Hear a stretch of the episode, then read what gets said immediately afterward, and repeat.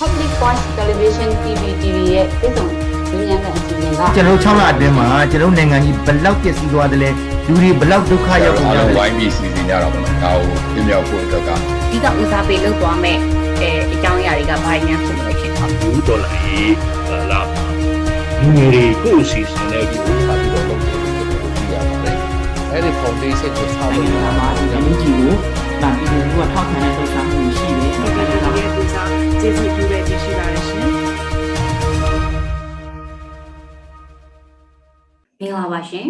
အကျမ်းဖတ်စစ်တပ်ရဲ့ထိုးစစ်ဆင်မှုတွေကြောင့်အိုးအိမ်ဆောင်ပါထွက်ပြေးနေရတဲ့ပြည်သူတွေကိုကုညီထောက်ပံ့ပေးနေရတဲ့ပတ်သက်ပြီးတော့လူသားချင်းစာနာထောက်ထားရေးနဲ့ဘေးရန်ရဲ့ဆိုင်ရာစီမံခန့်ခွဲရေးဝန်ကြီးဌာနပြည်ထောင်စုဝန်ကြီးဒေါက်တာဝင်းမြင့်ရေးနဲ့ဒီကနေ့မှာဆက်သွယ်မြင့်မြတ်တော့မှာဖြစ်ပါတယ်ရှင်ဆရာမင်္ဂလာပါရှင်မင်္ဂလာပါ ဟုတ်ကဲ့အခုပထမဆုံးသိချင်တာကဒီ UNOCH ရဲ့ဒီဇင်ဘာ23ရက်နေ့ကိန်းဂဏန်းနေ့အရဒီအိုးအိမ်ဆောင်ကထွက်ပြေးရတဲ့ပြည်သူက2,9500ကျော်ဆိုတော့အခုဆိုရင်ဒါ3သိန်းကျော်ပြီလို့ထင်ပါတယ်ဆရာနောက်တစ်ခုကကျတော့ဒီကုလအဖွဲ့အစည်းတွေကိုတော့မှဒီအိုးအိမ်ဆောင်ကထွက်ပြေးတဲ့ပြည်သူတွေကိုကူညီလို့မရအောင်အကြမ်းဖက်စစ်တပ်ကပိတ်ပင်ထားရရှိနေတော့ဒီဒုက္ခသည်ကူညီပေးရေးအတွက်တခြားဘယ်လိုနည်းလမ်းတွေထပ်ပြီးတော့ရှာတင်လိုက်ရှင်အဲဟုတ်ပါတယ်ဟိုလက်တလောစီးလှုပ်ရှားမှုတွေပြင်းထန်လာတဲ့စကိုင်းကရင်နဲ့ ကရင်နီကရားဒေသတွေမှာအကြမ်းဖက်စစ်တပ်က indiscriminate attack လို့ခေါ်တဲ့အရက်သားတွေကိုထိခိုက်တည်ကြည်စေနိုင်တဲ့လေကြောင်းတိုက်ခိုက်မှုတွေဒါမကပဲနဲ့အဝေးကနေလက်နက်ကြီးတွေနဲ့ရန်တမ်းပစ်ခတ်မှုတွေတိုးမြင့်လှုပ်ဆောင်လာတာဖြစ်တဲ့အတွက်ကြောင့်ဒီနေရဆွန့်ခွာရတဲ့စစ်ဘေးရှောင်အကြီးအတွက်ကတနေ့တည်းတနေ့တိုးပွားနေတာအမှန်ပဲဖြစ်ပါတယ် အဲ့တော့ပြည်တွင်းမှာရှိတဲ့ UN အဖွဲ့အစည်းအနေနဲ့လည်းဒီစစ်ဘေးရှောင်ဒုက္ခသည်တွေစီကိုအခြေခံလိုအပ်ချက်တွေအတွက်ထောက်ပံ့နိုင်တဲ့ထောက်ပံ့ထောက်ပံ့နိုင်တာတွေရောက်ရှိဖို့ဆောင်ရွက်နိုင်ရင်မရှိတာကိုလည်းကျွန်တော်တို့တွေ့နေသူတို့ရဲ့အမြင်မှာပြည်သူအလုံးကိုရန်သူလို့ရှုမြင်ထားပြီးတော့တာဝန်ယူမှုတာဝန်ခံမှုကိုမျက်ကွယ်ပြုနိုင်ကြတဲ့လူတွေဖြစ်တယ်အဲကျွန်တော်တို့ NUG အစိုးရအနေနဲ့ကတော့ပြည်သူအစိုးရလို့ပြောတဲ့အတွက်ကြောင့်ပြည်သူများရင်ဆိုင်နေရတဲ့ ဒုက္ခအကျက်အတဲတွေကိုဘယ်လိုနည်းနဲ့ကျွန်တော်တို့ဖြေရှင်းနိုင်မလဲဆိုတော့ဟာဒီကိုပဲအမြဲတမ်းဦးစားပေးစဉ်းစားဆောင်ရွက်တာဖြစ်တယ်ဒါကြောင့်သူတို့ဘယ်လိုပဲတားမြစ်ဖိနှိပ်မှုတွေအထက်ထပ်ပြုလုပ်နေတာဖြစ်စီကျွန်တော်တို့ကတော့လုံနိုင်စွမ်းသမျှအတိုင်းအတာနဲ့တော့မရရအောင်အခြေအနေပေါ်မူတည်ပြီးတော့နီးဗျူဟာတွေပေါ့နော်ကျွန်တော်တို့ရဲ့ဆောင်ရွက်ရမယ့်နီးဗျူဟာအသစ်တွေနဲ့ကြံစပြီးတော့ကျွန်တော်တို့ဆောင်ရွက်နေတယ်ကျွန်တော်တို့ရဲ့ထောက်ပံ့မှုလုပ်ငန်းစဉ်တွေထိရောက်ဖို့နီးလန်းနေနဲ့ပတ်သက်ပြီးတော့လည်းအဲ နှစ်ပိုင်းရှိတာပေါ့နော်ပထမတစ်ပိုင်းကတော့မြေပြင်မှာထိရောက်အောင်တာဝန်ယူလှုပ်ရှားပေးမဲ့အင်အားစုပေါ့ဒါအမှန်အရေးကြီးတယ်ဒါနဲ့ပတ်သက်ပြီးပြောရရင်တော့ကျွန်တော်တို့နီးလန်းဟာထိရောက်မှုရှိတယ်မိမိဆန္ဒအလျောက်ပါဝင်လှုပ်ရှားပေးနေတဲ့ဒေသခံတွေလည်းရှိတယ်နောက်ပြီးတော့လူအရက်ဖက်လူမှုအဖွဲ့အစည်းတွေရှိတယ်နောက်တိုင်းရင်းသားဒေသတွေမှာ EU ဒေသတွေမှာဆိုရင်တက်ဆိုင်ရာအဖွဲ့အစည်းတွေကဥဆောင်ပြီးတော့ကျွန်တော်တို့ရဲ့လက်တွဲဆောင်ရွက်မှုနဲ့ဆောင်ရွက်တာဖြစ်တဲ့အတွက်ကြောင့်ကျွန်တော်တို့ကတကယ်စနစ်တကျချိတ်ဆက်ဆောင်ရွက်ထားပြီးသားဖြစ်နေတဲ့အတွက်ကြောင့်အချိန်နဲ့တပြည့်ညီမြေပြင်လိုအပ်ချက် သိရှိဖို့အချက်လက်တရားရှိဖို့အကူအညီတွေပေးနိုင်ဖို့ဒါတွေကိုကျွန်တော်တို့ဟိုအဆင်ပြေအောင်လှုပ်ဆောင်နိုင်တယ်လို့ပြောရမယ်ပေါ့နော်နောက်တစ်ပိုင်းကတော့ဗန္ဒာရေးအခြေအနေပေါ့ဗန္ဒာရေးအခြေအနေနဲ့ပတ်သက်လို့ရှိရင်ကျွန်တော်တို့ကထောက်ပံ့မှုတွေကတကယ်တော့လက်ရှိလုပ်နေတဲ့ကျွန်တော်တို့လုပ်ငန်းတွေမှာပြည်တွင်းပြည်ပအထူးသဖြင့်ပြည်ပရောက်မြန်မာများဒီကနေပြီးတော့ဟိုကုညီထောက်ပံ့မှုတွေကိုအခြေခံပြီးတော့ကျွန်တော်တို့ဆောင်ရွက်နေတာပဲဖြစ်တယ်ပေါ့နော်အဲ့တော့ NUG ရဲ့စီမံကိန်းဗန္ဒာရေးနဲ့ယင်းနှိမ့်မြှုပ်နှံမှုဝန်ကြီးဌာနကလည်းရန်ကုန်ငွေတွေပုံမရရှိအောင်သူ့နီးသူ့လမ်းနေနဲ့ ဆောင်ရွက်နေတာတွေလည်းအားလုံးအသိပဲဖြစ်တယ်ဒါပေမဲ့ငွေကြေးစစ်စင်းမှုလမ်းကြောင်းကအရန်ခက်ခဲတယ်ဒါကိုလည်းသူတို့နီလန်းပေါင်းစုံနဲ့ဖြည့်ရှင်းနေစေဖြစ်တယ်ဆက်လက်ပြီးတော့လည်းဖြည့်ရှင်းဆောင်ရွက်သွားမယ်လို့ကျွန်တော်အနေနဲ့သိထားတယ်ပေါ့နော်ဆိုတော့လက်ရှိမြန်မာပြည်သူတွေရင်ဆိုင်နေရတဲ့တကယ်တမ်းဆိုလို့ရှိရင်အခုမြန်မာပြည်သူတွေရင်ဆိုင်နေရတဲ့စစ်တပ်ကကဘာမှာအဆိုးဝါးဆုံးနဲ့အရက်ဆက်ဆုံးစစ်တပ်လို့ပြောလို့ရတယ်။ဘာကြောင့်လဲဆိုတော့ဒီလက်ရှိစစ်တပ်ကရန်သူအဖြစ်နဲ့နှိမ်နှင်းပြီးတော့သူတို့ဆင်နွှဲနေတာတွေကဒီနိုင်ငံကပြည်သူတွေဖြစ်နေလို့ဖြစ်တယ်။ အဲ့တော့ဘာပဲဖြစ်ဖြစ်ဒီစစ်တပ်ဟာသူနဲ့တိုက်ခိုက်နေတဲ့လက်နက်ကင်အဖွဲ့အစည်းတွေကိုရောတာမန်အရက်သားပြည်သူတွေကိုရောခွဲခြားတာမရှိဘူး discriminate မလုပ်ဘူး indiscriminate လို့ခေါ်တယ်။အဲ့လိုမျိုးမခွဲခြားဘဲနဲ့စစ်ပွဲကိုဆင်နွှဲနေတာဖြစ်တယ်။ပြည်သူကိုရဲဆက်ဆက်နဲ့အဲတပ်ဖြတ်နှိပ်စက်တာတွေသူတို့ရဲ့အဲ့လိုတပ်ဖြတ်နှိပ်စက်ခဲ့တဲ့ဒီတပ်ဖွဲ့ဝင်တွေကိုတောင်မှအခုမကြခင်ရပဲအားလုံးတွေ့တဲ့အတိုင်းပဲချီးမြှောက်ဂုဏ်ပြုတာတွေကိုကြည့်လို့ရှိရင်သူတို့ရဲ့လူမဆန်မှုတွေကိုပို့လို့တောင်ကျွန်တော်တို့ကသိမြင်နိုင်တယ်ဆိုတာတွေ့ရတယ်။ဒါကြောင့် စစ်ပွဲကြောင့်ထွက်ပြေးတိမ်းရှောင်ရတဲ့အရသားပြည်သူတွေကိုစစ်တပ်ရဲ့လက်ဆွဲဖြူဟာဖြစ်တဲ့အဲဖြတ်လေးဖြတ်နီလန်းနဲ့လည်းစစ်ခင်းနေတယ်လို့ပြောလို့ရတယ်။ဘာကြောင့်လဲဆိုတော့တိုက်ပွဲရှောင်တွေမှာလိုအပ်ချက်တွေကတအားများတယ်။ဒါပေမဲ့အဲ့ဒီအရာတွေကိုထောက်ပံ့ကူညီနေတဲ့သူတွေကိုလည်းအဟန္တာအနောက်ရှက်တွေလုပ်တယ်အခုရက်ပိုင်းမှာပဲမင်းတက်ကကိုတူကိုဒစေယုံကိုဝင်ရောက်ဖျက်ဆီးတာတွေနောက်ထိခိုက်ဒဏ်ရာရတဲ့ ရတဲ့သူတွေမကြမ်းကျမ်းမာရေးမကောင်းတဲ့အရက်သားပြည်သူတွေကိုစေကူတာဝင်မရအောင်လုပ်တာတွေအဲ့လိုပဲကရားပြည်နယ်ကရင်ပြည်နယ်ချင်းပြည်နယ်စတဲ့ဒေသတွေမှာလည်းစစ်ဆောင်ပြည်သူတွေကိုပြည်သူတွေကနေပြီးတော့လူသားချင်းစာနာမှုအကူအညီတွေပေးခွင့်မရအောင်တားဆီးတာတွေတစ်ချိန်တည်းမှာပဲပြည်တွင်းကထောက်ပံ့နေတဲ့လူတွေကိုလည်းပြစ်မှတ်ထားပြီးတော့ဖန်ဆီးတက်ဖြတ်တာတွေအဖွဲ့အစည်းသီးသီးနဲ့စေတနာရှင်ပြည်သူတွေကလှူဒန်းထားတဲ့အဲအကူအညီတွေကိုပါဖျက်ဆီးတာတွေဒါတွေကဘယ်တုန်းကမှမကြဘူးတဲ့လူရက်တွေဖြစ်တယ်အဲ့တော့စစ်ကောင်စီလက်အောက်မှာရှိနေတဲ့ နောက်တစ်ခုဒါအရေးကြီးတဲ့အချက်ပေါ့နော်စစ်ကောင်စီလက်အောက်မှာရှိတဲ့လူသားချင်းစာနာကူညီမှုလုပ်ငန်းလုပ်ဖို့တာဝန်ရှိဆုံးဝန်ကြီးဌာနတွေဒါစစ်ကောင်စီလက်အောက်မှာအခုလုပ်နေတဲ့ဌာနကိုပြောတာအဲ့ဒီဌာနတွေကစစ်ဘေးရှောင်တွေကိုထောက်ပံ့မပေးဖို့တားမြစ်ထားတယ်ဆိုတဲ့သတင်းတွေလည်းကျွန်တော်ကြားရတယ်အမတန်အောင်ဩစရာကောင်းတယ်ဆိုလိုတာကတော့စစ်ကောင်စီတပ်ဖွဲ့ရဲ့တပ်သားတွေကမကဘဲနဲ့အရက်ဘက်ဌာနဆိုင်ရာတွေကပါဒစိတ်ထဲတဝမ်းနဲ့ပူပေါင်းပြီးပြည်သူကိုဒုက္ခခံစားအောင်လုပ်နေတယ်ဆိုတာပေါ်လွင်တယ် အော်ဘေးရနေကြောက်တဲ့အချိန်မှာလူသားချင်းစာနာမှုအကူအညီရခွင့်ဆိုတာလူတိုင်းရဲ့အခြေခံအခွင့်အရေးတစ်ဖြစ်တယ်ဒီအခွင့်အရေးကိုချိုးဖောက်ရမှာပါဝင်ပတ်သက်သူအလုံးဟာထိုက်တန်တဲ့အပြစ်ကိုခံရမှာဖြစ်တယ်အဲဒါကြောင့်ဒုက္ခရောက်တဲ့သူကိုကူညီပံ့ပိုးတာကလူပိသားတဲ့လူတိုင်းလုပ်ရမယ့်အလုပ်ဘယ်ဘာသာဘယ်လူမျိုးကမဆူအားပေးတဲ့လုပ်ငန်းပေါ့နော်ဒီလိုအခြေခံလူကျင့်ဝတ်ကိုတောင်ဖြည့်ဆည်းနိုင်ခြင်းမရှိဘဲနဲ့စစ်ကောင်စီနဲ့သူ့ရဲ့လက်အောက်ခံအဖွဲ့အစည်းအားလုံးကလူအဖွဲ့အစည်းရဲ့ဒဏ်ခတ်ခြင်းနဲ့ဆန့်ကျင်ခြင်းကို တေချာပေါက်ခံရမှာဖြစ်တယ်သူတို့ရဲ့လူရက်တွေအတွက်လည်းတစ်သက်လုံးနောင်တရပူပူလောင်နာကျင်တာတွေကိုသူတို့ခံစားရမှာဖြစ်တယ်အဲ့တော့အခုလိုအခုလိုစစ်ကောင်စီရဲ့အယက်သားပြည်သူတွေပေါ်ပြစ်မှတ်ထားကျူးလွန်နေတာတွေကိုနိုင်ငံတကာကလည်းသဘောပေါက်ဖို့လိုတယ်လူသားရေးဆန္ဒမှုအကူအညီပေးဖို့ဆိုတဲ့ခေါင်းစဉ်နဲ့စစ်ကောင်စီနဲ့ပူးပေါင်းဖို့လှုံ့ဆော်နေကြတဲ့နိုင်ငံတကာအဖွဲ့အစည်းတွေအနေနဲ့လည်းလက်ရှိအခြေအနေကိုသဘောပေါက်နားလည်ဖို့လိုတယ်စစ်ကောင်စီကိုဘလို့ယုံကြည်ပြီးပူးပေါင်းကျင်ကြတာလဲလို့လည်းကျွန်တော်အနေနဲ့မေးခွန်းထုတ်ချင်တယ် နောက်ထပ်နိုင်ငံတကာကိုပြောချင်တာကတော့ justice delay is justice deny ဖြစ်တယ်ဆိုလိုတဲ့အဓိပ္ပာယ်ကလူအဖွဲ့အစည်းပေါ်မှာကျူးလွန်တဲ့ပြစ်မှုတွေအတွက်တရားမျှတမှုကိုအချိန်မီရယူမပေးနိုင်လို့ရှိရင်တရားမျှတမှုကြဆုံးခြင်းပဲဖြစ်တယ်အဲ့တော့နိုင်ငံတကာလူသားချင်းစာနာမှုအကူအညီတွေအရေးယူမှုတွေပေးအပ်ဖို့ကြံ့ကြာလေလေပြည်သူလူထုဒုက္ခအမျိုးမျိုးကိုခံစားရလေ ဆိုတာကိုလက်ခံသဘောပေါက်ဖို့လိုတယ်နိုင်ငံတကာကအဲ့တော့ပြည်သူလူထုအတွက်ပြက်ကွက်မှုတွေကလူအဖွဲ့အစည်းရဲ့ပြက်ကွက်မှုတွေအနေနဲ့ကျွန်တော်တို့ရဲ့သမိုင်းကိုအကြီးတန်းအယုတ်ဆိုးအောင်မလုပ်သင့်ဘူးလို့ထပ်လောင်းပြောကြလိုပါခင်ဗျာဟုတ်ကဲ့အခု American မှာပြဋ္ဌာန်းလိုက်တဲ့ဒီ NDAA ဥပဒေအသက်ဝင်လာပြီဆိုလို့ရှိရင်ဒီ NUG အစိုးရကနေတဆင့်ကျမတို့ဒီမြန်မာစစ်ဘေးတင်ပြည်သူတွေကိုပေါ့နော်လူသားချင်းစာနာမှုအကူအညီပေးကပို့ပြီးတော့အားကောင်းလာမယ်လို့ရောမျှော်လင့်လို့ရမလားရှင့် ဟုတ်ကဲ့ဒီ NDAA နဲ့ပတ်သက်ပြီးတော့ပြောရမယ်ဆိုရင်တော့အမျိုးသားကာကွယ်စောင့်ရှောက်ရေးအခွင့်အာဏာအဥပဒေလို့ခေါ်တာပေါ့နော်အဲ့လိုခေါ်တဲ့ NDAA ကိုအမေရိကန်သမ္မတကနေပြီးတော့လက်မှတ်ထိုးအတည်ပြုပြီးတော့တရားဝင်ပြဋ္ဌာန်းလိုက်ပြီးဒီမှာဘာထူးခြားတာပါလဲဆိုတော့မြန်မာနိုင်ငံနဲ့ပတ်သက်ပြီးအကျိုးရှိနိုင်မဲ့အထူးပြင်ဆင်ချက်၃ရက်ပါဝင်တာကိုတွေ့ရတယ်ပထမပြင်ဆင်ချက်မှာတော့အချက်၈ချက်တောင်ပါဝင်တယ်အဲ့တော့ဘာတွေလဲဆိုတော့ရက်60အတွင်းမှာပြည်ထောင်ရေးနဲ့နိုင်ငံသားရေးဝန်ကြီးဌာနတွေက ဒီအချက်လက်တွေနဲ့ဆက်နေတဲ့တိုးတက်မှုအခြေအနေတွေကိုလွှတ်တော်ကိုပြန်ပြီးတော့အစီရင်ခံရမယ်နောက်တစ်ချက်က NUG ကိုအတိမတ်ပြုဖို့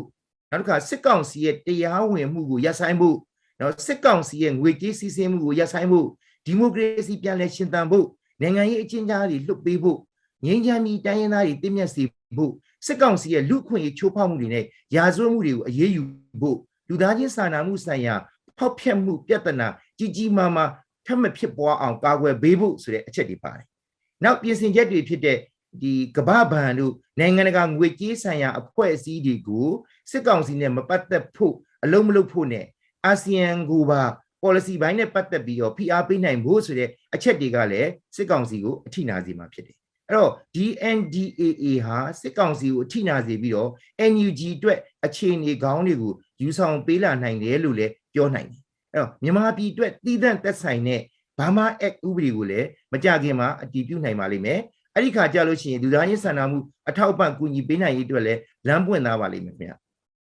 ဟုတ်ကဲ့ပါဆရာအခုနောက်ထပ်သိချင်တာကကြတော့ဒီနောက်ဆုံးမှာပေါ့နော်အရန်တိတာထင်ရှားနေတဲ့ legal ကော data အကြောင်းပါဆရာဒီ legal ကော data မှာဆိုလို့ရှိရင်ဒီအချမ်းဘတ်စစ်ကောင်စီရဲ့ထိုးစစ်ကြောင့်ဟိုအိုးကြီးဆုံးခွာပြီးထွက် ပြေးရတဲ့ပြည်သူဘယ်လောက်ထိများနေပြီလဲရှင်ပြီးတော့ NUG ရဲ့အကူအညီပေးမှုတွေကရောဒီ legal ကောကစစ်ရှောင်းဒေတာခံပြည်သူတွေပေါ်ကိုဘယ်လောက်ရာခိုင်နှုန်းအထိလွှမ်းခြုံမိပြီလို့ထင်လဲရှင်လီဂီကိုဒေတာရဲ့လက်ရှိအဖြစ်အပျက်ကတော့ဒါအများစိတ်ဝင်စားကြတယ်တကယ်လဲအရေးကြီးတဲ့ဟိုဒေတာရဲ့ဖြစ်ပျက်မှုတစ်ခုလို့ပြောလဲရတယ်ပေါ့နော်အဲ့တော့ဒါနဲ့ပတ်သက်ပြီးပြောရရင်တော့အကြမ်းဖက်စစ်တပ်ရဲ့ထိုးစစ်ကြောင့်မလို့အိုးအိမ်စွန့်ထွက်ပြေးရတဲ့၄ကီကောဝင်းကျင်ဒေတာစေဘေးဒုက္ခတဲ့စင်းက အမြဲအပြောင်းလဲရှိနေတယ်ထိုင်းမဲ့ချမ်းမာရောမြန်မာဘက်ချမ်းမာရောခိုးလွန်ရနေရာတွေမှာဒီနေ့ပေါ့နော်ဒီနေ့လက်ရှိစင်းရတော့6914ဦးရှိတယ်နေ့စဉ်အပြောင်းလဲတွေကိုကျွန်တော်တို့စည်ရင်အမြဲတမ်းပြုလုပ်ပြီးတော့ update လုပ်နေပါတယ်စည်ရင်ကိုတကယ် update ဖြစ်အောင်လုပ်နေတယ်ဒီလိုလုံးမှလည်းကျွန်တော်တို့ကနေပြီးတော့ထောက်ပံ့ကူညီမှုတွေကိုပုံပုံပြီးတော့ထိထိရောက်အောင်ဆောင်ရွက်နိုင်မှာဖြစ်တယ်အဲ့တော့ NUG အနေနဲ့ကတော့စပြီးတော့ဒီ၄ကိကော data မှာဖြစ်ဖြစ်ပွားတဲ့အချိန်ကစပြီးတော့ ပြည်သူကိုကူညီထောက်ပံ့မှုတွေကိုအလင်းအမြန်ကျွန်တော်တို့ရအောင်တုံ့ပြန်ခဲ့တယ် KNU data မှာဖြစ်တဲ့အတွက်ကြောင့် KNU ဥဆောင်မှုနဲ့လက်တွဲပူးပေါင်းဆောင်ရွက်ဖို့ကျွန်တော်တို့ကြိုးစားခဲ့တာဖြစ်တယ်အဲ့ဒီအတိုင်းပဲဆောင်ရွက်ခဲ့တယ်မြေပြင်မှာလက်တွေ့အကောင့်တွေပေါ်တဲ့နေရာမှာတော့ NUG ကလူသားချင်းစာနာကူညီရေးနဲ့ဘေးအန္တရာယ်တုံ့ပြန်ရေးဆိုင်ရာပူးပေါင်းညှိနှိုင်းကော်မတီကျွန်တော်တို့ရှိမှရှိတယ်အဲ့ဒီကော်မတီဝင်ရခိုင်ပြည်ဒီကရင်ပြည်နယ်ဆိုင်ရာအဖွဲ့အစည်းတွေနဲ့ဆက်ဆက်အဖွဲ့အစည်းတွေ လေးကိကောအရေးနဲ့ပတ်သက်ပြီးတော့အတူပူးပေါင်းဆောင်ရွက်လာကြတဲ့လူမှုအဖွဲ့အစည်းတွေပါဝင်တဲ့လုပ်ငန်းအကောင့်တွေပေါ်ရေးအဲပူပေါင်းညှိနှိုင်းအဖွဲ့ဆိုတာရှိတယ်အဲ့ဒါကိုကျွန်တော်ဖွဲ့တယ်ဖွဲ့ပြီးတော့အချင်းချင်းသတင်းချက်လက်တွေဖလှယ်တယ်လက်တွေ့ကြတဲ့ထောက်ပံ့ကူညီမှုတွေကိုအဲယာယီခိုလုံကစခန်းမှာရှိတဲ့စစ်ဘေးရှောင်နေတာမကဘဲနဲ့ပြန့်ကျဲနေတဲ့စစ်ဘေးရှောင်တွေအထိရောက်အောင်ကျွန်တော်တို့ထောက်ပံ့ကူညီမှုတွေကိုကျွန်တော်တို့ဆောင်ရွက်နေတယ်အဒုက္ခရောက်နေတဲ့ပြည်သူတွေအတွက်ကိုပြည်သူတွေကနေပြီးတော့နော် ပြည်သူတွေအတွက်ပြည်သူတွေကနေပြီးတော့ NUG KNU ဖွဲ့စည်းနေပူးပေါင်းပြီးတော့ဆောင်ရွက်နေကြတာတကယ်တော့အားရစရာသိကောင်းတယ်တော်တော်ကိုဟိုထိထိရောက်ရောက်ရှိတယ်လို့ပြောလို့ရတယ်အဲ့တော့ထောက်ပံ့မှုဘိုင်းကိုကြည့်လိုက်ရင်လက်တလောအရေးပေါ်လိုအပ်ချက်အားလုံးကြီးပါလွှမ်းခြုံမိအောင်ကျွန်တော်တို့ထောက်ပံ့နေတယ်လို့ပြောလို့ရတယ်ဘာဖြစ်လို့ဆိုတော့ကြိုးစားအားထုတ်မှုကဟိုပူးပေါင်းဆောင်ရွက်တာဖြစ်တယ်ညှိနှိုင်းဆောင်ရွက်တာဖြစ်တယ်လက်တွဲဆောင်ရွက်တာဖြစ်တယ်ဒါကြောင့် NUG KNU နဲ့ပူးပေါင်းပြီးတော့လေခုတ်ကနေဦးတွေကနေပြီးတော့ ကြက်သိန်းထောင်ကျော်ကိုပံ့ပိုးကူညီခဲ့တယ်အဲ့ဒါကဒီတကယ် KNU နဲ့ NUG နဲ့ပူးပေါင်းလိုက်တဲ့ကိစ္စပေါ့နောက်တစ်ခါမြေပြင်မှာမြေပြင်မှာ NUG နဲ့လူမှုအဖွဲ့အစည်းတွေပြည်ရင်းပြည်ပပြည်သူအလူရှင်တွေပူးပေါင်းပြီးတော့ကြက်သိန်းအခုဆိုရင်သိန်း1600ကျော်ပံ့ပိုးကူညီနိုင်ခဲ့ပြီဖြစ်တယ်အဲ့တော့စုစုပေါင်းကြက်သိန်း2600ကျော်ပံ့ပိုးကူညီခဲ့ပြီလို့ပြောလို့ရတာပေါ့နော်အဲ့တော့၄ကိကောဒေတာမှာမကဘူးကျွန်တော်အခု၄ကိကောဒေတာကအရေးပေါ်နော်ဖြစ်နေတဲ့အခြေအနေမို့လို့ကျွန်တော်တို့ဆောင်ရွက်တာဟို ဖြစ်တယ်ဒါပေမဲ့၄ကိကောဒေတာကမကဘဲနဲ့မြန်မာနိုင်ငံထဲမှာစကိုင်းတိုင်းတို့ကယားတို့ကရင်ပြည်နယ်မကွေးတိုင်းစတဲ့အခြားပြည်နယ်နဲ့တိုင်းတွေမှာအရေးပေါ်လိုအပ်ချက်တွေကိုလည်းကျွန်တော်ထောက်ပံ့ကူညီမှုတွေဝန်ဆောင်မှုတွေကိုတနေ့မပြတ်နော်မျက်ခြေမပြတ်ကျွန်တော်တို့ဒါနေ့စဉ်ဆောင်ရွက်ပေးတဲ့ရှိတယ်လို့လည်းကျွန်တော်အနေနဲ့ဒါအလင်းတင်လို့ဒါကိုကျွန်တော်ရှင်းလင်းပြောလို့ပါတယ်ခင်ဗျ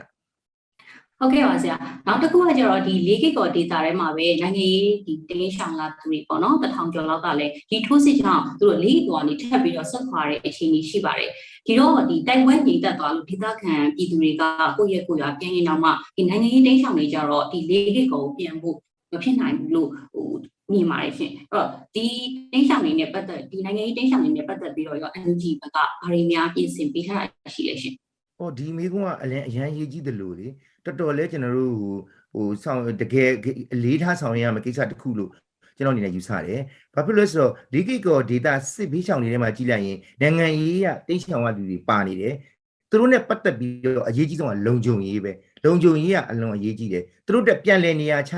တာ ရေးမှလည်းကျွန်တော်တို့ပံ့ပိုးကူညီနိုင်ဖို့လိုတယ်။နောက်ပြီးတော့ဆက်လက်ပြီးတော့သူပံ့ပိုးကူညီနိုင်မယ့်အစီအမံတွေကိုလည်းကျွန်တော်တို့ NUG အစိုးရအနေနဲ့ဆောင်ရွက်ပေးဖို့လိုတယ်။ဒါကြောင့်ကျွန်တော်တို့အခုဆောင်ရွက်နေတဲ့ဒီလုပ်ငန်းစဉ်ကတော့ NUG အစိုးရနဲ့ဒေသဆိုင်ရာတိုင်းရင်းသားအဖွဲ့အစည်းပေါ့တာဝန်ရှိတဲ့သူတွေနဲ့စနစ်တကျကျွန်တော်တို့စီမံချက်ပုံစံမျိုးချပြီးတော့ဆောင်ရွက်နေတယ်လို့ပဲကျွန်တော်အကြမ်းပြင်းဖြည့်လို့ရတယ်။ဒီလောက်ပဲကျွန်တော်အနေနဲ့ဒီနေရာမှာဖြည့်လို့ကောင်းမယ်လို့ယူဆတယ်။ကျွန်တော်တို့စနစ်တကျဆောင်ရွက်နေပါတယ်ခင်ဗျာ။ ဟုတ်ကဲ့ပါဆရာပြီးတော့အခုနောက်ဆုံးသိချင်တာကတော့ဆရာကိုယ်တိုင်ရေးသားခဲ့တဲ့ဒီကမ္ဘောဒီးယားဝန်ကြီးချုပ်ဟွန်ဆန်ကိုအကြံဖက်အားပေးမဖြစ်ဖို့တတိပေးခြင်းနဲ့ပတ်သက်တာပါဒီဟွန်ဆန်ရဲ့မြန်မာနိုင်ငံခီးစဉ်ရရောဟိုကျမတို့ဒီမြန်မာနိုင်ငံရဲ့အခင်းအကျင်းမှာဘယ်လောက်ထိတက်ရောက်မှုရှိမလဲရှင်ဒီမိကုန်းကလည်းအရေးကြီးတယ်လက်တလုံးမှလည်းအမ်တန်ကိုဟိုဒီအာဆီယံဒေတာအတွင်းမှာရောနိုင်ငံတကာမှာကော ဒါအမ်တန်ကိုဟိုလူလူတွေကစိတ်ဝင်စားတဲ့ကိစ္စတစ်ခုဖြစ်တယ်ပေါ့နော်အဲ့တော့ကမ္ဘောဒီးယားဝန်ကြီးရဲ့ခီးစဉ်နဲ့ပတ်သက်ပြီးပြောရရင်တော့ဒီခီးစဉ်မှာစစ်ကောင်စီအတွက်ရောသူ့အတွက်ကောကောင်းကျိုးစုံတရားရရှိသွားစရာအကြောင်းမရှိပါဘူးလို့ပဲပြောချင်တယ်ဒါခြုံငုံပြီးပြောတာအဲ့တော့စစ်ကောင်စီအတွက်နိုင်ငံတကာရဲ့အတိမတ်ပြုပျောက်ဆုံးနေတာတော်တော်ကြာနေပြီကုလသမဂ္ဂစင်မြင့်ထက်ကနေပြီးတော့နိုင်ငံတကာအစီအစဉ်တွေမှာ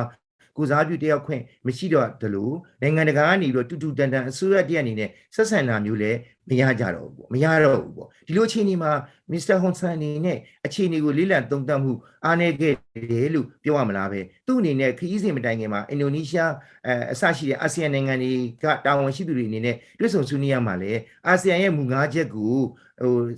ဆက်လက်ပြီးတော့သူတို့ကနေပြီးတော့စွဲကင်ဖို့တိုက်တွန်းခြင်းကိုသူခံခဲ့ရတယ်ကမ္ဘောဒီးယားပြည်သူများကအစ သူ့ကိုစစ်ကောင်စီနဲ့ဆက်ဆံပြောဆိုမှုအတွက်ဒီပြင်းထန်ပြင်းပြင်းထန်ထန်အဲရှုံချတာတွေကိုလည်းခံခဲ့ရပြီဖြစ်တယ်နိုင်ငံတကာက အကြမ်းဖက်လို့သတ်မှတ်ထားတဲ့စစ်အာဏာရှင်ကိုတနည်းတစ်ဖုံနဲ့ရှေ့ဆက်အတိမတ်ပြုဖို့ကြိုးစားခဲ့ရင်သူ့အတွက်ပါအကျိုးသက်ရောက်မှုဆိုးကျိုးတွေဖြစ်ပေါ်လာမယ်ဆိုတာကိုလည်းသတိပြီးပြောကြားလိုတယ်နိုင်ငံတကာလူအတိုင်းဝိုင်းအနေနဲ့လက်နက်ကင်ဒီရဲ့ဒီတကယ်အပြစ်အပြစ်မဲ့တဲ့အရက်သားတွေပေါ့အကြမ်းဖက်မှုကိုအလွန်မှမုန်းတီးယွန်ရှာနေကြပြီးဖြစ်တဲ့အတွက်ကြောင့်ဒီလိုအကြမ်းဖက်သူတွေကိုနေရာပေးအတိမတ်ပြုဖို့ကြိုးစားမယ်ဆိုရင် ဘသူပဲဖြစ်ဖြစ်အကြမ်းဖက်မှုမှာပါဝင်ပတ်သက်သူအနေနဲ့လူအတိုင်းဝိုင်းရဲ့ရှုံချမှုကိုမလွဲမသွေရင်ဆိုင်ရမှာပဲဖြစ်တယ်။ဒါကြောင့်စစ်ကောင်စီရဲ့အကြမ်းဖက်လုပ်ရက်တွေရာဇဝတ်မှုတွေကိုကဘာကလည်းသိပြီးဖြစ်နေလို့ဒီမစ္စတာဟွန်ဆန်ရဲ့ခရီးစဉ်ကြောင့်လည်းသူ့အတွက်ဘာမှအကျိုးထူးရနိုင်ပွဲရမရှိဘူး။ ဒီခီးစဉ်ကြောင့်အကြမ်းဖက်တဲ့သူနဲ့လက်တွဲရင်ဆက်ဆံရင်ကဘာကဘယ်လိုတုံ့ပြန်မလဲဆိုတဲ့ message တစ်ခုကိုသူတို့တွေရရှိသွားလိမ့်မယ်လို့ကျွန်တော်အနေနဲ့ယူဆတယ်စစ်ကောင်စီကိုအကျိုးစီးပွားအတွက်မျက်နှာသာပေးခြင်းသူတွေပါဒီကိစ္စကြောင့်လက်တွန့်သွားနိုင်မယ်လို့လက်တွန့်သွားလိမ့်မယ်လို့ကျွန်တော်အနေနဲ့ယူဆတယ်မစ္စတာဟွန်ဆန်နဲ့စစ်ကောင်စီတွေ့ဆုံမှုမှာစစ်ကောင်စီကအာဆီယံကအေဗီလာတွေကတောင်းဆို ဟိုထားခဲ့တဲ့ဘုံသဘောတူတဲ့9ရက်ကိုအကောင့်ထဲပေါ်တယ်လို့ပါရှိတာကိုတွေ့ရတဲ့ခါမှာဒါဟာလူသိရှင်ကြားလိမ်လည်မှုကြီးတစ်ခုလို့ပြောလို့ရတယ်ဒီအချက်၅ချက်ကိုတစ်ချက်ချင်းဘယ်ဟာတွေမှာတိုးတက်တာလဲဆိုတာကိုလေ့လာကြည့်လိုက်ရင်စစ်ကောင်စီကဘာတစ်ခုကိုမှတောင်းဆိုခြင်းနဲ့အညီစူးစမ်းဆောင်ရွက်ထားခြင်းမရှိဘူးဆိုတာအားလုံးသိပဲဖြစ်တယ်အထင်ရှားလည်းရှိနေတယ်ပေါ့နော်အဲ့တော့မြန်မာနိုင်ငံမှာအကြမ်းဖက်မှုတွေချက်ချင်းရပ်တန့်ရမယ်ပါဝင်ပတ်သက်သူအားလုံးကလည်းအစွမ်းကုန်ထိမ့်သိမ့်ကျင့်သုံးရမယ်ဆိုတဲ့အချက်ကိုပဲကြည့်လိုက်အောင် အကြမ်းဖက်မှုမရက်တက်တဲ့ပြင်တနိုင်ငံလုံးအတိုင်းအတာနဲ့ပို့ပြီးတော့အကြမ်းဖက် လှုပ်ဆောင်လာနေတယ်ဆိုတာကိုဖြစ်ရက်တွေကိန်းကနန်းတွေကတက်တည်ခံနေတယ်ပေါ့နော်ရန်ကုန်မြို့လေကောင်မှာဗာလက်လက်မှကင်ဆောင်လာခြင်းမရှိတဲ့လူငယ်လေးတွေကိုလူမြင်ကွင်းမှာကားနဲ့ရဲဆဲတိုက်ပြီးတပ်ဖြတ်တာမျိုးလိုဖရူဆိုမှာခရစ်စမတ် eve နေ့လိုအချိန်မျိုးမှာတောင်အရက်သားများကိုအစုလိုက်ပြုံလိုက်တပ်ဖြတ်မိရှုပစ်တာမျိုးနောက်စကိုင်းနဲ့တိုင်းရင်းသားဒေသတွေမှာလေကြောင်းတိုက်ခိုက်တာတွေဘုံကျဲတာမျိုးတွေရွာတွေအိမ်တွေကိုမိမြိုက်တာမျိုးတွေကသူတို့လိုရက်တွေဟာအပြောနဲ့စัจကျင်နေတယ်ဆိုတာထင်ထင်ရှားရှားပေါ်လွင်နေတာပေါ့နော်ဒီတော့ သူတို့ဘလို့ပဲကြီးညာသည်ဖြစ်စီအားလုံးဟာအလိမ်အညာတွေဖြစ်နေတဲ့အတွက်ကြောင့်အကြမ်းဖက်စစ်ကောင်စီအပေါ်ကဘာကအာဆီယံကသဘောထားဟာပြောင်းလဲသွားမှာမဟုတ်ဘူးလို့ကျွန်တော်အနေနဲ့တော့ယူဆတယ်အခုခီးစဉ်ဟာလည်းအာဆီယံကိုကိုစားပြုတာမျိုးမဟုတ်ဘဲသူ့ရဲ့တူဒီသဘောဆန္ဒနဲ့လာရောက်တွေးဆုံတာမျိုးဖြစ်တယ်လို့လည်းရှုမြင်နိုင်တယ်ဒါတော့သူမလာခင်တည်းကကမ္ဘောဒီးယားလူမှုအရက်ဖက်အဖွဲ့အစည်းတွေကမစ္စတာဟွန်ဆန်ရဲ့ခီးစဉ်ဟာကမ္ဘောဒီးယားပြည်သူတွေကိုကိုစားမပြုပါဘူးဆိုတာကိုမြန်မာလူ ရပ်ဖက်လူမှုဖွဲ့စည်းနဲ့လက်တွဲပြီးထုတ်ပြန်ကြေညာခဲ့ပြီးလည်းဖြစ်တယ်ဒီကိစ္စနဲ့ပတ်သက်ပြီးတော့လည်းကျွန်တော်တို့ဝန်ကြီးဌာနရဲ့ page ဒီမှာရော social media များမှာရောကျွန်တော်တို့ကနေပြီးတော့ထုတ်ပြန်ကြေညာထားတာတွေလည်းအားလုံးတွေ့ကြမှာဖြစ်ပါတယ်ခင်ဗျကျွန်တော်တို့ရဲ့လုပ်ငန်းဆောင်တာတွေပေါ့နော်ဥပမာအဖြစ်ထောက်ပံ့ကူညီတဲ့လုပ်ငန်းတွေလူသားချင်းစာနာမှုလုပ်ငန်းတွေဘေးရန်နေဆိုင်ရာတုတ်ပြန်တဲ့လုပ်ငန်းစဉ်တွေအကုန်လုံးဟာ တစ်ချက်ချင်းတစ်ချက်ချင်းလုတ်တိုင်းလုတ်တိုင်းမှာပုံမွလင်းလင်းတချို့ဟာကြရင်ထုတ်ဖော်ပြောဆိုလို့ခက်ခဲတဲ့ကိစ္စတွေရှိတယ်။ဘာကြောင့်လဲဆိုတော့ကျွန်တော်တို့လုပ်ရတဲ့အဆင့်ဆင့်မှာအဟံတာအနောက်ချက်တွေအများကြီးရှိတယ်။ဒါလည်းကျွန်တော်တို့ခဏခဏပြောတယ်။ဘာပဲဖြစ်ဖြစ်ကျွန်တော်တို့ဟာ ပြည်သူအစိုးရဖြစ်တယ်။ပြည်သူအစိုးရဟာပြည်သူကိုဝန်ဆောင်မှုပေးနေရမယ်။အစိုးရတရရဲ့ဂုံရင်ဟာဂုံအင်္ဂါရက်ထဲမှာပြည်သူကိုဘလောက်ဝန်ဆောင်မှုပေးနိုင်လဲဆိုတာအရေးကြီးတဲ့အချက်ဖြစ်တယ်။ဒါကိုကျွန်တော်တို့အရင်အလေးထားတယ်။ဒါကြောင့်ကျွန်တော်ပြည်သူဒုက္ခရောက်ရင်ချက်ချင်းကျွန်တော်တို့ဝန်ဆောင်မှုပေးတယ်။ထောက်ပံ့ကူညီမှုပေးတယ်ဒါအစိုးရတရားနဲ့အင်္ဂါရနဲ့ညီအောင်ကျွန်တော်တို့ကကြိုးစားဆောင်ရွက်နေတယ်ဆိုတော့ပြတာတာတကယ်လဲ စိတ်ဆန္ဒရင်းနဲ့ကျွန်တော်ဆောင်ရွက်နေတာဒါကိုလည်းရှုမြင်တတ်ဖို့လိုတယ်ပေါ့နော်ကဘာပါဒါကိုရှုမြင်ပြီးရင်ကျွန်တော်တို့ NUG ဟာအစိုးရတရားအနေနဲ့ဖြစ်ပေါ်နေပြီကျွန်တော်တို့အစိုးရတရားအနေနဲ့ဝန်ဆောင်မှုတွေပြည်သူကိုပေးနေပြီဆိုတော့ကော့ကော့ကွင်းကွင်းမြင်သွားရင်ကျွန်တော်တို့အတွက်အများကြီးအားသာချက်တွေရှိဦးရှိအောင်မယ်ကျွန်တော်တို့ရဲ့ရည်ရွယ်ချက်တွေလည်းအောင်မြင်မယ်လို့ကျွန်တော်ညယူဆတယ်ဒါကြောင့်ကျွန်တော်တို့ကတော့ပြည်သူဝန်ဆောင်မှုလုပ်ငန်းတွေပြည်သူကိုထောက်ပံ့တဲ့လုပ်ငန်းတွေကိုဆက်ပြီးတော့ကျွန်တော်တို့အတက်နိုင်ဆုံးအကောင်းဆုံးကြိုးစားနေမယ်လို့ကျွန်တော်အနေနဲ့ပြောလိုပါတယ်ခင်ဗျာ ဟုတ်ကဲ့ပါဆရာအခုလိုမျိုးအချိန်ပေးပြီးဖြေချပေးတဲ့အတွက်ကျမတို့ကလည်းကျေးဇူးများကြီးတင်ပါတယ်ရှင်ရေတော်ဘုံအောင်ရမည်ရေတော်ဘုံအောင်ရမည်